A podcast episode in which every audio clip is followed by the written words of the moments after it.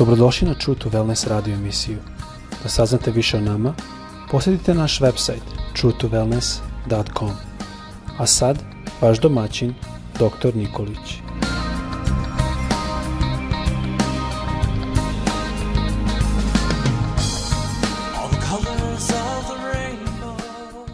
Dragi prijatelji, dobar dan. Danas želim da podelim sa vama jednu temu koja se zove Božja pravednost. I pitanje koje proizilazi iz ove teme Božje pravednosti jeste pitanje koje se implicira na nas, na tebe, na mene, na ljude. A to je sledeće pitanje. Kako Bog čini ljude pravednima? Ajmo da pođemo od našeg faktičkog stanja bez Boga. Kakvo je to stanje čoveka bez Boga? Pred svetim i pravednim Bogom svaki čovek jeste grešan i svi ljudi su grešni. Dalje možemo da postavimo pitanje da li može čovek izaći iz takvog grešnog stanja. Da li čovek, to Bože stvorenje, ponovno može biti izmiren? sa Bogom, njegovim stvoriteljem. I da bismo našli jedan ispravan odgovor na ova važna pitanja koje smo postavili, hajdemo da pogledamo šta apostol Pavle govori o Božjoj pravednosti. Rimljanima poslanica treća glava, od 20. do 26. stiha čitamo sledeće. Naime, niko se pred Bogom ne može opravdati vršenjem onoga što zahteva zakon, jer zakon samo dovodi čoveka do saznanja da je grešan. Ali sada je Bog otkrio da čini ljude pravednima, bez posredovanja zakona o čemu svedoče zakoni proroci. Bog čini pravednima sve one koji veruju u Isusa Hrista bez ikakve razlike, jer svi su sagrešili i time su lišeni Božijeg prisustva. Ali postaju pravedni pred Bogom darom njegove milosti, otkupljenjem po Isusu Hristu. Njega je Bog odredio da svojom krvlju postane žrtva za otkupljenje koje se prima verom.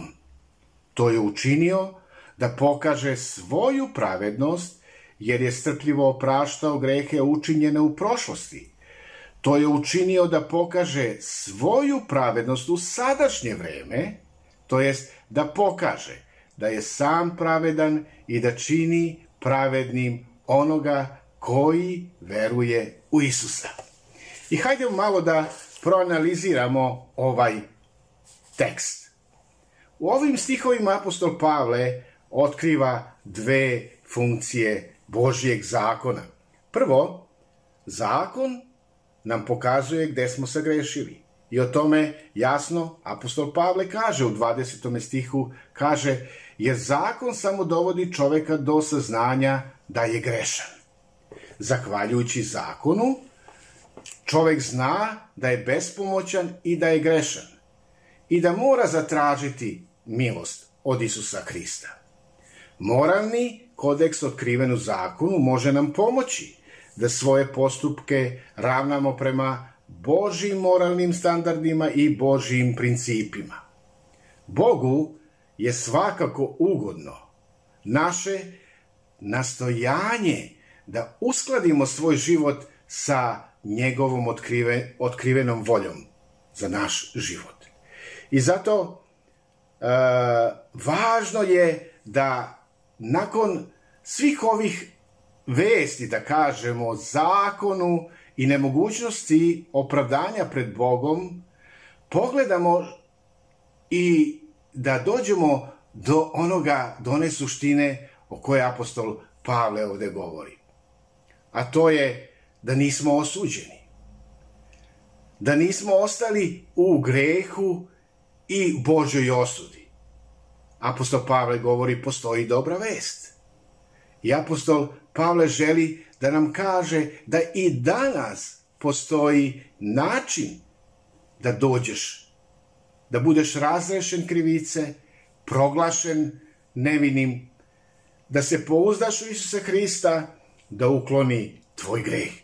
Ovo pouzdanje dalje pomoći će ti ili nalaže nam da stavimo svoje poverenje u Isusa Hrista očekujući da nam Isus Hrist oprosti sve naše grehe, učini nas pravednima pred Bogom.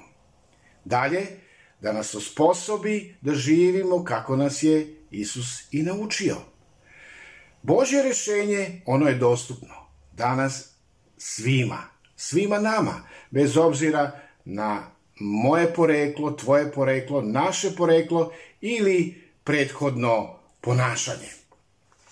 Dalje, hajde da pogledamo e, kada govorimo o toj Božoj pravednosti, kako se ona manifestuje i pokazuje u Svetome pismu. Možemo kazati u tri oblika. Prvo, pravednost, ona označava Boži karakter. To znači, Bog je pravedan, Bog opravdava, Bog je savršen. I sve ove tri stvari, one negde postoje u posedu Božje karaktera. To su te vrline. Drugo, Božja pravednost, ona pokazuje čovekov nedostatak Božjeg karaktera. A taj nedostatak od čoveka, on se vidi i on se negde pokazuje i označava u čovekovoj grešnosti, pokvarenosti, nepravednosti, nesavršenoj prirodi i nesavršenom ponašanju. I treće, pravednost Božja označava onu savršenu pravednost koju Bog priprema za mene i za tebe, za čoveka u Isusu Hristu. Kada čovek verom prihvaća i dozvoljava Isusu Hristu da uzme njegove grehe, šta se događa? Tada čovjek biva oslobođen od greha i dobija pravednost Božiju. Tada Krist oblači čoveka u Božju pravednost kroz veru. Kroz čovekovu veru. Pogledajmo šta apostol Pavle kaže u 2. Korinčanima 5. glavi u 21. stihu. Kaže ovako. Njega koji je bio bez greha, misli se na Isusa, Bog učini mesto nas grehom da mi u njemu postanemo pravednošću Božjom. Kako to možemo da objasnimo? Božja pravednost ona se otkriva u Isusu Hristu. Kada je Isus Hrist došao na ovu zemlju, on je došao sa svrhom, sa ciljem i sa zadatkom. Isus Hrist je došao da objavi savršenu pravednost Božju. Isus Hrist je došao da živi bezgrešan život, savršen život, idealan život, život koji je primer ili model života nama ljudima. I na kraju, Isus je došao da živi taj božanski očev život na ovoj zemlji.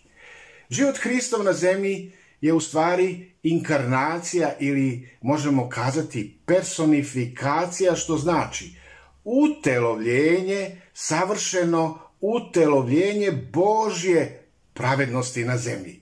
Sveti Bog u Isusu Hristu je hodao na zemlji i hoda sa svima onima koji veruju u njega. Božja pravednost je sada, možemo kazati, otkrivena ili učinjena kroz Isusa Hrista. I apostol Pavle o tome govori u Rimanima poslanici u petoj glavi u prvome stihu. Dakle, opravdani verom u miru smo sa Bogom, po našem gospodu Isusu Hristu. I sada imamo mir sa Bogom, premda se ovaj mir, da kažemo, može razlikovati od duševnih osjećanja mira koja postoje kod čoveka, kao što su smirenost i spokojstvo. Božanski mir je nešto posebno. Mir sa Bogom, on izvire iz jedne spoznaje ili izvire iz jednog saznanja da smo mi izmireni sa Bogom, sa njim. Ne postoji više neprijateljstvo između Boga i nas – Nema greha koji narušava naše zajedništvo sa njim. Mir sa Bogom je moguć zbog toga što je Isus platio cenu za naše grehe svojom smrću na krstu. Isus, on je platio svu cenu. Možemo kazati isplatio dug, isplatio cenu greha. Nema više nikakvog duga. Ja nisam ništa dužan. Nisi više ništa dužna i dužan. Ništa. Nema duga. Ne dugujem. Slava Bogu. Jako je važno da to imamo na umu. Šta imamo sve kroz Isusa Hrista? Naravno, imamo tu pravednost Božju koja nam je data. Pravednost, ona je za svakoga. Sveto pismo, ono je vrlo jasno u tome pogledu. Pravednost i opravdanje je za svakog ono koji veruje. Pravednost ona je data, da kažemo, čoveku, verniku u posed, a sa druge strane, vernik on je obučen u Božju pravednost. I ta Božja pravednost pokriva vernika kao pokrivač ili čista haljina. Dalje, pravednost ona je potrebna svima. Nema razlike, nema podeljenosti. Nema podeljenosti među ljudima, to je iz dva razloga. Prvi, zato što su ljudi grešnici i drugi, pravedno se postiže jedino opravdanjem i verom u Isusa Hrista. I biblijski stih koji je zapisan u Rimljanima poslanici u prvoj glavi u 17. stihu kaže da u njemu, to jest u Isusu se pokaza pravednost Božija iz vere u veru, kao što stoji pisano pravednik će živeti od vere. Hajde da malo samo protumačimo ovaj citat. Ovde apostol Pavle citira proroka Avakuma. Avakum je pod rečima će živeti podrazumevao samo ovozemaljski život. Ali Pavle proširuje smisao te njegove izjave protežući je i na večni život. Pouzdavši se u Boga, ja i ti, mi bivamo spašeni, dobijamo večni život, kako ovde na zemlji, tako i u večnosti. I da zaključim, opravdanje jeste dar Božiji. Ja i ti nismo mogli zaslužiti opravdanje. Ništa apsolutno po zasluzi. Mi smo opravdani Božjom milošću na temelju naše lične vere. Naglašavam lične vere zato što je ona važna za spasenje. To nije vera naših otaca, naših majki, naše bake, naše deke. Niko od njih nas ne može spasiti. Jedino naša lična vera u Isusa Hrista može nam doneti spasenje i može nam doneti tu Božju pravednost u koju možemo da se obučemo danas. I na kraju, opravdanje je jedino bilo moguće kroz otkupljenje koje je po Isusu Hristu. U Rimanima poslanici 3. glava 24. stih pročitali smo i ja ću ponovo pročitati gde kaže ovako Ali postaju pravedni pred Bogom darom njegove milosti otkupljenjem po Isusu Hristu. Ko? Onima koji veruju u Isusa Hrista bez ikakve razlike. Zato izazov je za nas sve prisutan danas. Hajde da težimo za pravednošću Božjom. Svesni da bez milosti Božje i naše vere u Boga mi ne možemo naći se pred Bogom pravedno.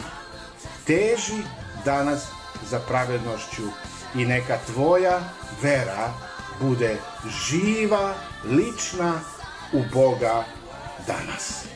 Bog te blagoslovio. Amin.